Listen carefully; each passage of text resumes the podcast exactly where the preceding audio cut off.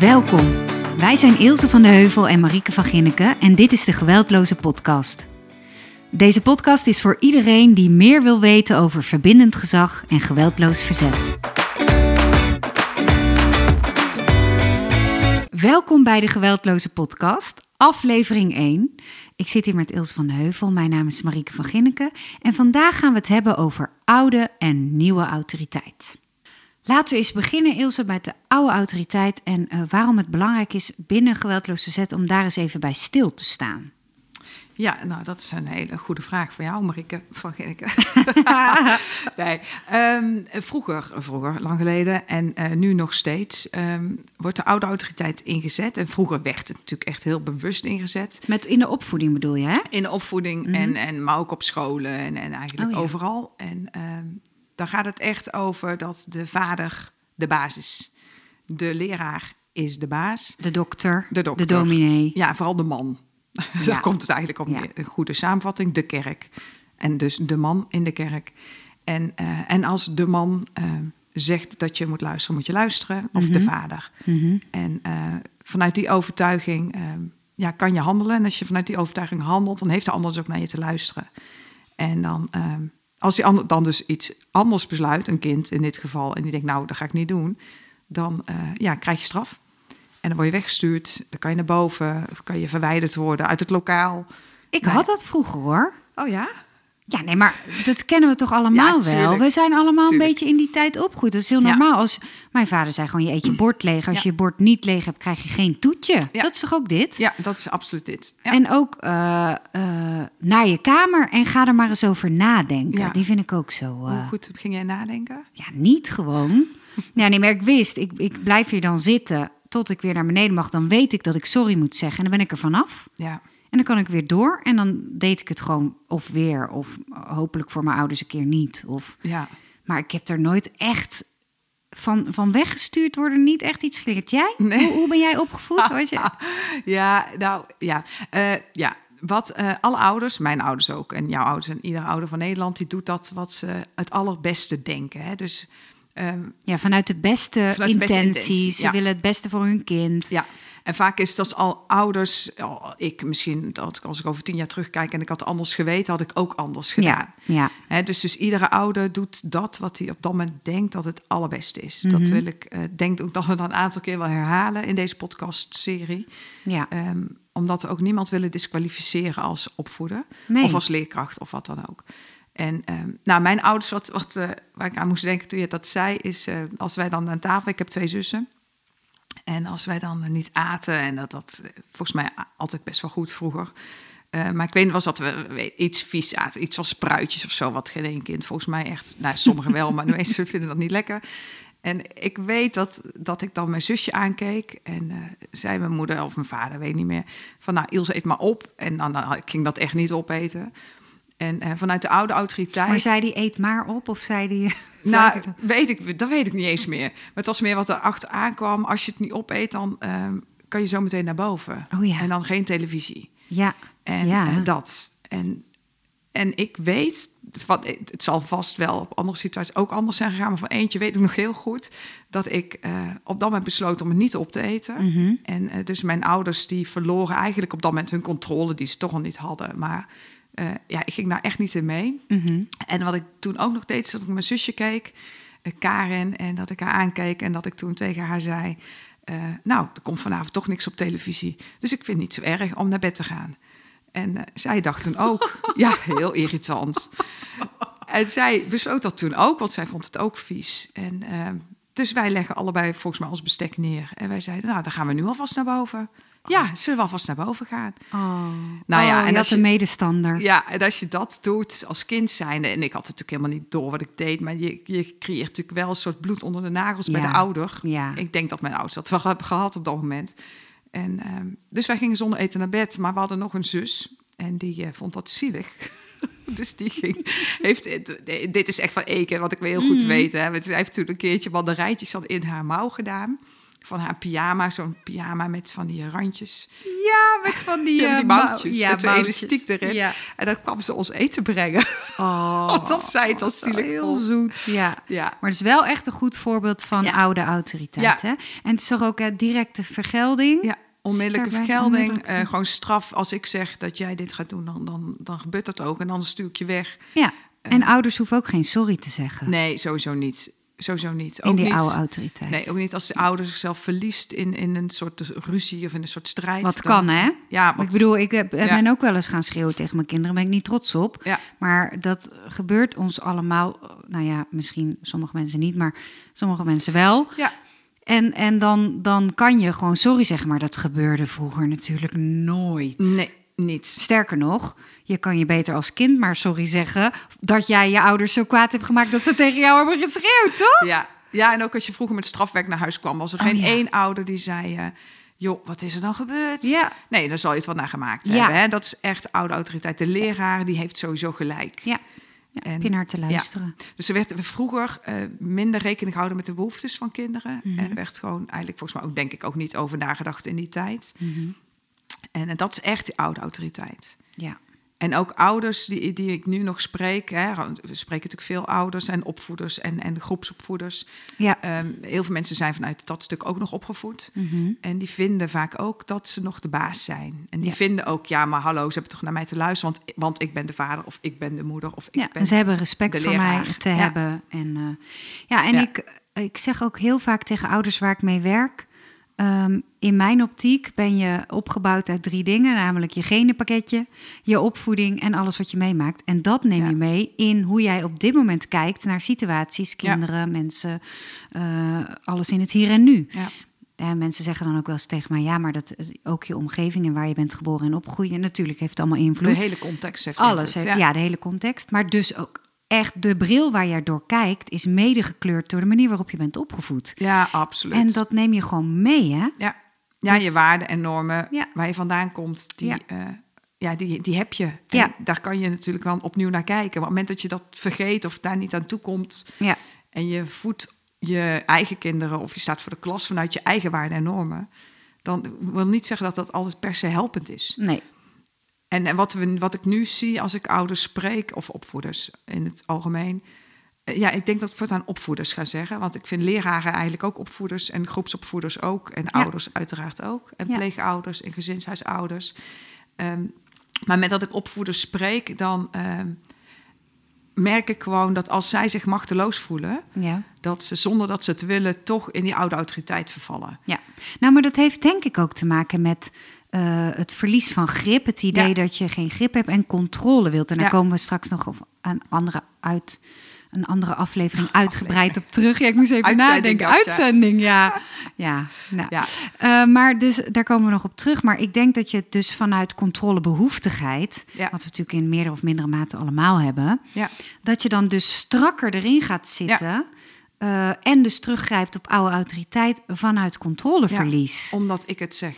Ja, dat soort zinnen. ja. moet Ja. je net een kind hebben die dan, die dan eh, daar lekker eh, stevig op ingaat. Ja. Geef eens een goede reden, mam. Ja, ik hoorde laatst iemand zeggen, moest ik ook zo lachen in een training. En eh, die man zei, ja, ik ging tot drie tellen naar mijn dochter. ik Oh, zei, ja, ik zei, iedereen heeft wel eens tot drie geteld. Ik zei, maar wat doe je dan als je bij die drie aankomt? Ik zei dan, hij zit er 2,5, 2,8. Twee, drie kwart. Ja. En toen zei hij, ja, hij moest ook heel erg lachen. Hij zei, ja, zei hij, toen zei mijn dochtertje van zes, tel maar tot 100, papa. Oh. Ja, en Oh. hij gelukkig, en dat- hij moest er zelf heel erg om lachen op dat moment. En dat is knap, hè, dat je Ja. dan kan lachen en denken: Ja. oh ja, wat ben ik eigenlijk aan het doen? Maar de ouders die daar niet om kunnen lachen, die voelen zich uitgedaagd. En die, eh, ja, die sturen uiteindelijk het kind weg. Of hè, dan escaleert Dan is het brutaal. Is het En brutaal. dan, dan moet je Ja. weg. Ja, en inderdaad, wat doe je dan bij drie, hè? Ja. En heel veel ouders die hebben daar niet eens over nagedacht, want het werkt, Ja. tellen.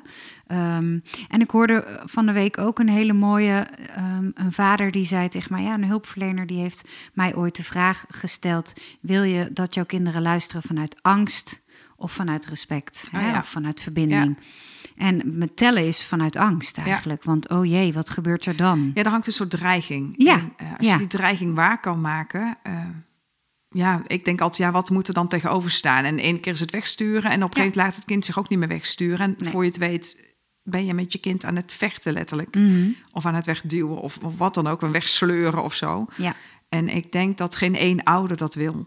Nee, en ik denk dat eh, verbindend gezag daarom ook zo. Het is natuurlijk eh, ook ontstaan uit, vanuit pu- pubers en, Ja. en destructief gedrag. Ja. Eh, maar ik, ik kan me voorstellen, kijk, een kind van twee zet je op de gang. Hè? Die til je op en die zet je op de trap, strafstoeltje, whatever als je dat zou Ja, willen. oude gang. autoriteit. Oude autoriteit. hè? Niet dat dat moet, Nee. maar dat oude Dat autoriteit. ook Laat dat bijna. helder zijn. Ga dat doen, mensen. Nee, dat nee, doen. nee, nee, nee, nee. Helder, helder.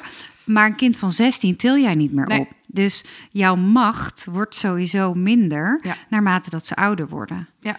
En, eh, en dan zul je het ook op een andere manier invloed, als je dat Ja. wil eh, hebben, Ja. op een andere manier moeten vormgeven. Ja. Of willen vormgeven. ja, en ik denk dat opvoeden is natuurlijk één grote invloedsshow. Ja. En eh, de invloed vergroot je hoe beter contact je hebt met die ander. Ja. En vanuit de relatie en de verbinding kan je ontzettend veel invloed hebben. Maar die ander blijft altijd dezelfde keus maken. En daar gaan we het uiteraard nog over hebben. Ja. Maar vanuit de oude autoriteit denken mensen... en niet omdat ze het per se geloven... maar misschien, ge- sommigen geloven trouwens wel... Ja. die denken echt, ja, omdat ik het zeg. Ja. En eh, dan hebben ze het maar te doen. Ja. En dat is gebleken dat dat niet per se werkt. Nee. En eh, wat we kinderen willen leren, hè, dat, dat hebben we vaak in de training, schrijf ik het ook op. Wat willen we ze nou leren? En, Ja. ja. Ja, als je kinderen wegstuurt, wat wil je eigenlijk wat ze gaan doen? En we willen vaak natuurlijk kinderen na gaan denken, erop terugkomen. En, of sorry zeggen of wat dan ook. Maar bij iedereen die vroeger is weggestuurd, dus nou, als je luistert, denk even aan over je eigen tijd dat je wel eens naar je kamer bent gestuurd. Ja, wie is er nou echt na gaan denken? Mhm. En, ehm, en volgens als je dat wil, ja, bereik je dat door kinderen weg te sturen. De meeste kinderen die weg zijn gestuurd of die nog weg worden gestuurd, die leren eh, beter manipuleren, Ja. eh, worden wat, eh, kunnen wat beter gaan liegen. En ja, en worden vaak ook bozer, want ze, voelen altijd dat hun onrecht wordt aangedaan, Mhm. omdat zij weer degene zijn die weg moeten. Ja. En dat je een situatie wil deescaleren door even uit elkaar te gaan, dat is allemaal heel logisch. Mhm. Maar echt iemand wegsturen is echt vanuit machteloosheid. ja, en vanuit controle. Ja, Ja. ja. En top-down, hè? Een beetje Ja. ook zoals het autoriteit in het bedrijfsleven. Hè? De baas, de manager, de teamleider. De psychiater. Die, be- ja, Ja. die bepaalt. Ja, En, en, en jij hebt daar maar naar te, naar te handelen. ja, ja. En dat, omdat ik eh, het zeg. Ja, omdat ik het zeg, dat werkt niet. zo. En je, je hebt weinig gevoel van autonomie als je Ja. wordt weggestuurd. Hè? Of als er iets voor jou bepaald wordt. En dan worden Ja. kinderen nog bozer. En wij denken dat we dan nog strakker moeten worden. Nog meer regels. En zeker die strong-willed kids en zo. En Ja. die eh, hoogsensitieve kinderen, maar ook kinderen met ADHD, autisme, kinderen met eh, hoogbegaafdheid. Die hele sterke eh, Ja. autonomie eh, aanhangen. Ja, Ja, die, die gaan er maar aan staan als ouders. Dat Ja. is echt ingewikkeld. Ja. En dan werkt de oude autoriteit eigenlijk alleen maar averechts. ja. Maar oké, ik denk dat die helder is. Want hier kunnen we ook nog honderd uur over praten. man, ja. eindeloos. Maar toen kwam de oorlog en na de Tweede Wereldoorlog dachten ze... we gaan het allemaal anders doen. Hippies, lalila, ladida. We gaan het anders doen. En toen kwam laissez-faire, toch? Zeg ik goed, toch? Ja, zo rond de jaren 60, eh, begin jaren 70 nog een beetje, had je die laissez-faire opvoedstijl. En dan was, eh, ik zeg altijd alleen maar liefde. alles, alles is liefde. Iedereen eh, moet het ook lekker zelf weten. Weinig grenzen vooral. Mm. En, Maar die grenzeloosheid, dat, zij Ja. dachten toen echt...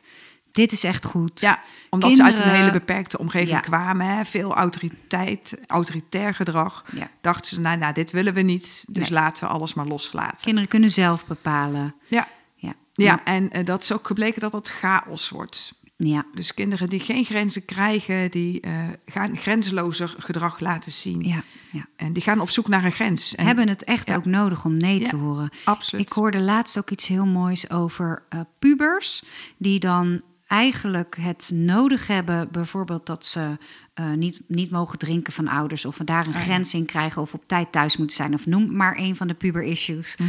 Ehm, dat die het eigenlijk ook nodig hebben om tegen hun vrienden als het ze zelf nog niet lukt om nee te zeggen tegen eh, drugs, drank, eh, Mhm. laat weg zijn, nou noem het allemaal maar op, dat zij zich ook, dat ze het nodig hebben, zich kunnen verschuilen tussen aanhalingstekens achter, ja, maar mijn ouders gaan dan echt zeiken, of dat mag echt niet van mijn ouders, of ik krijg echt problemen als ik dat wel of niet doe.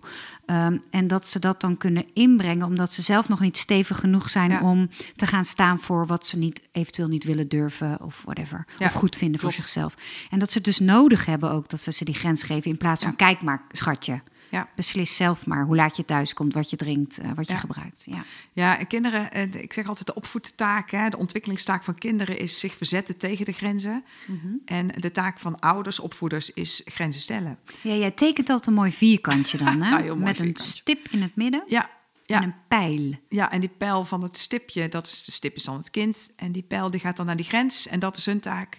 En onze taak als opvoeders is om wel te blijven staan. Ja. En natuurlijk, In de puberteit moet dat onderhandelbaar zijn, toch, die grenzen? Zeker. En je kijkt natuurlijk naar waar is, de kind, waar is het kind in zijn autonomieontwikkeling? Wat Ja. kan het kind aan? Ja. Hè? Dat is, dat is Maar ook het meer- karakter en ook eh, ja, hoe een kind omgaat met, eh, maar dat weet je als ouder, Ja. precies hoe je kind eh, omgaat met uitdagingen Ja. des levens, toch? Dus dat hebben kinderen nodig. En in die laissez-faire opvoedstel zat Mhm. dat even niet.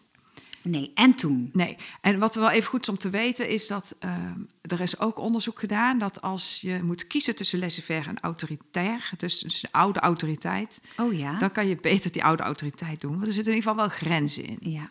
Dus dat grenzeloos is dus nog schadelijker dan die strenge grenzen van die Oh, oude dat wist ik niet. Ja, dus dat is goed om te weten. Oh jeetje. Als je dan nog wil kiezen, dan kan je beter terug naar die oude autoriteit. En weet je dan ook wat er, zeg maar, wat voor volwassen mensen, welke leeftijd hebben die nu, die echt een laissez-faire opvoeding hebben gehad, hoe die nu in het leven staan? Is daar onderzoek naar geweest? Allemaal depressief. Nee, weet ik niet. Die zijn helemaal eh, de drugs. Losgeslagen. Nee, nee, dat durf ik echt. Daar zal zeker onderzoek naar gedaan Ja. zijn. Maar dat- als ik me daarover uitlaat, dan vind ik ook dat ik het echt moet weten. En dat, eh, nee, ja. dat weet ik niet. Nee, Eh, dat ook was even nee. benieuwd. Ja, nee. Genoeg over nee, laissez-faire? denk het wel. Ja. Ja. En toen kwam de nieuwe autoriteit. Ja, en ik weet niet of die per se meteen naar de laissez-faire kwam. Maar toen kwam in ieder geval Chaim Oma met zijn geniale plan. Ja. En, ehm, en vooral ook weer gebaseerd natuurlijk op veel onderzoek. Heeft toch ook nog een andere naam? In België noemen ze het toch eh, anders? Nee, nieuwe autoriteit. Nieuwe autoriteit. Ja, en, verbind, en, en geweldloos verzet. Dus Ja. zo is het eigenlijk Ja. natuurlijk in Nederland gewoon eerst als geweldloos verzet voor die excenserende pubers. Ja. En daarna is het nieuwe autoriteit, omdat dat veel meer van onze houding vraagt. Mhm. En geweldloos verzet, dus de interventies die daarbij horen. En eh Eliane Wiebega en Hans Bom hebben de naam verbindend gezag eraan gekoppeld. Dus Klinkt wel vriendelijker, hè? ja, ja het Verbindend gezag klinkt wel. Ik heb ooit wel eens de vraag gehad: geweldloos verzettrainer. Wow, werk jij dan met eh, vechttechnieken en verdedigingstechnieken? Ja, ja het, het klinkt toch wel een beetje geweldloos verzet. Klinkt toch ook Ja. iets eh, alsof het iets fysiek is, hè? Terwijl het gaat over eigenlijk een innerlijke houding. Ja, een innerlijke houding en daadwerkelijk wel verzetsacties. Hè? Ja, maar zeker. wel op een hele rustige, kalme, vastberaden manier. Ja. En ehm, nou, we geven ook veel trainingen in, ehm, in de kinderopvang. En daar noemen ze het bijvoorbeeld samen in bloei. Oh, Dus het, is, het is maar net welk woord je eraan geeft. Maar het gaat echt over, bij verbindend gezag gaat het dus over de houding van de opvoeder. Ja, De ouder, de leerkracht. En eh, hoe kan je nu aanwezig zijn in het leven van het kind, daar Mhm. waar het nodig is. En natuurlijk iets minder als het iets minder nodig is. Ehm, hoe kan je eh, vol blijven houden in eh, je verzetsacties? Dus hoe kan je wel blijven verzetten, hè? blijven regels en grenzen. Dat lijkt nog wel eens een misverstand te zijn. Nou, weet dat die echt absoluut nodig ja, zijn. ja. En niet vanuit beheersen, maar echt vanuit opvoeden. Het gaat over het samen doen. eh, vanuit, vanuit de wetenschap dat je het niet alleen hoeft te doen als het Mhm. ingewikkeld wordt. En ook als het makkelijk is, mag je het ook samen doen. Je bent nu aan het vertellen over wat een nieuwe autoriteit inhoudt. Oké, wacht heel even. Dus samen, Ja, niet alleen. Niet Je alleen. hoeft het samen te doen. Takes a village to raise a child. Ah, ja. prachtig. schitterend. Ja, maar Ja. Die, dat is wel, hè? Vroeger was de buurvrouw en oma en de tante... en iedereen woonde in de Ja. buurt, de kerkgemeenschap. Uh, iedereen bemoeide zich met iedereen. En nu is het zo individualistisch... Ja. dat je eigenlijk nog niet, niet eens iets mag zeggen... als een kind zich misdraagt en het is op straat. Nou, probeer er maar niet iets van te zeggen... want je hebt meteen aan de stok met de ouder ook, hè? Ja. Dus, dus, uh, maar dus ook andersom. Dus we voelen ons bekeken of, uh, of snel beoordeeld of veroordeeld. Maar aan de andere kant hebben we dus ook weinig steun. Omdat Ja. je dus hè, de vuile was niet buiten wil hangen. Omdat je je schaamt. Ik spreek heel veel ouders die zich eenzaam voelen. Omdat ze eigenlijk steeds minder zijn gaan delen. Vanuit schaamte. Maar ook vanuit invullen. Van ja, de ander zal er wel niet op zitten te wachten. Die heeft al zijn eigen problemen. Oké, dus, dus de nieuwe autoriteit gaat over samen Steun met elkaar. Je hoeft het niet alleen te doen. Ja. Ehm, dus Deescaleren. over- Deescaleren. Dus over het kalme brein van de opvoeder. Ja, ja. Zo blijf je rustig, ook in lastige situaties. Of juist in lastige situaties. Mhm, ja, Eh, verzet en aanwezigheid, dat is eigenlijk de basis. ja. Van Aanwezigheid is dan echt die verbinding met je kind maken. Er zijn. Ja, maar ook laten zien, dat kan je op en afschalen. Hè? Dat gaat helemaal over waakzame zorg. Daar gaan we ook een hele aflevering nog aan wijden. Of twee. Of drie. er is een heel boek over geschreven. Ja, dus daar kan je echt op losgaan ook. Ja. Maar dat gaat echt over, ja, op het moment dat we ons zorgen maken... kunnen wij dus onze letterlijke aanwezigheid opschalen. Of dat Ja. kan zijn door dichterbij te zijn, door een appje te sturen... of door langs te gaan als ze zeggen, wij gaan daar chillen... En we denken, oeh, dat weet ik niet zeker. Dat je zegt, joh, lieverd, ik vind het goed... maar ik kom straks wel even daar boodschappen doen. En dan wil ik je wel zien. Ja, Vanuit een mededeling, en niet vanuit een dreiging... maar wel van, joh, weet je, wij maken ons zorgen... en wij willen gewoon weten waar je bent. ja. En dat doe je natuurlijk niet bij een 20-jarige als die gewoon prima gaat. Nee. Maar wel bij een 13, 14-jarige waarvan je denkt, oeh, ik weet het niet zeker. Mhm. Dus, dus wat, wat we merken vanuit Verbindend Gezag, we maken eigenlijk die opvoeders sterker in het eh, opvoedschap. En, ehm, ja, en als je je sterker voelt, voel je dus minder machteloos, dus stap je minder in die oude autoriteit. Dat is eigenlijk ehm, ja. het verhaal. Dat is dus de nieuwe autoriteit. Ja, ja slash verbindend gezag. Ja. En we zullen eigenlijk het woord verbindend gezag gebruiken, omdat het in Nederland eh, eigenlijk veel meer eh, nu gangbaar is. In Ja. België noemen ze het echt nog nieuwe autoriteit. Ja, precies. Verbindend gezag, geweldloze zet. Ja. Zullen dat misschien een beetje door elkaar gebruiken. Heel de tijd. Ja, maar dat, eh, ja, dat, dat maakt niet uit. En vanuit, een, vanuit verbindend gezag, geweldloze zet, ehm, heb je een, heel veel pijlers. Daar, daar heb je het in de intro Ja. ook al even over gehad. Ja. En vanuit die pijlers kun je... Was je even aan het spieken? Ik keek even met een schuin linksoog naar een pijler.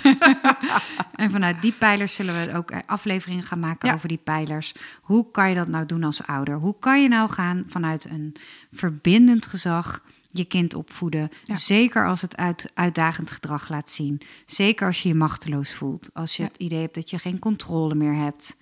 Vanuit controle over jezelf en niet over de ander. Ja, Mooi bruggetje naar de volgende aflevering. dat is een heel mooi bruggetje. Ja.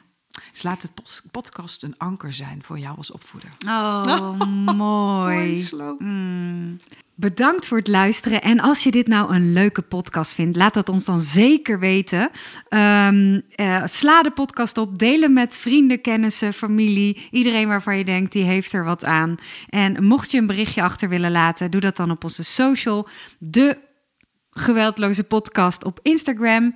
Ehm, je kan ons een DM sturen, een berichtje achterlaten onder onze post. En ehm, Of je kan een Ja. mailtje sturen naar de geweldloze podcast, apenstaartje, geweldloos middelstreepje. Ja, zo'n middenstreepje. Ja, ja, ja, precies. Laat vooral weten wat je ervan vindt. En we hebben natuurlijk ook een rubriekje De Luistervraag. Zouden we er een leuk muziekje onder kunnen zetten? Zou kunnen. De luistervraag. Vraag, vraag, vraag, vraag. Eh, mocht je een vraag hebben, dan laat het ons vooral weten via eh, de dingen die we net hebben genoemd. Zullen we ook even in de show notes zetten hieronder. En eh, als je een vraag hebt, kunnen we die behandelen in de volgende aflevering van onze podcast. Dus heb je een vraag over je kind, jezelf, je opvoeding, alles wat met verbindend gezag en geweldloos verzet te maken heeft, laat het ons vooral weten. En wij zullen je vraag behandelen in de volgende aflevering. Nou, Nogmaals heel erg bedankt voor het luisteren. Dit was de allereerste aflevering. Oh. En ehm, heel erg bedankt. En tot de volgende, toch Ilse? Ja, tot de volgende keer. Doei.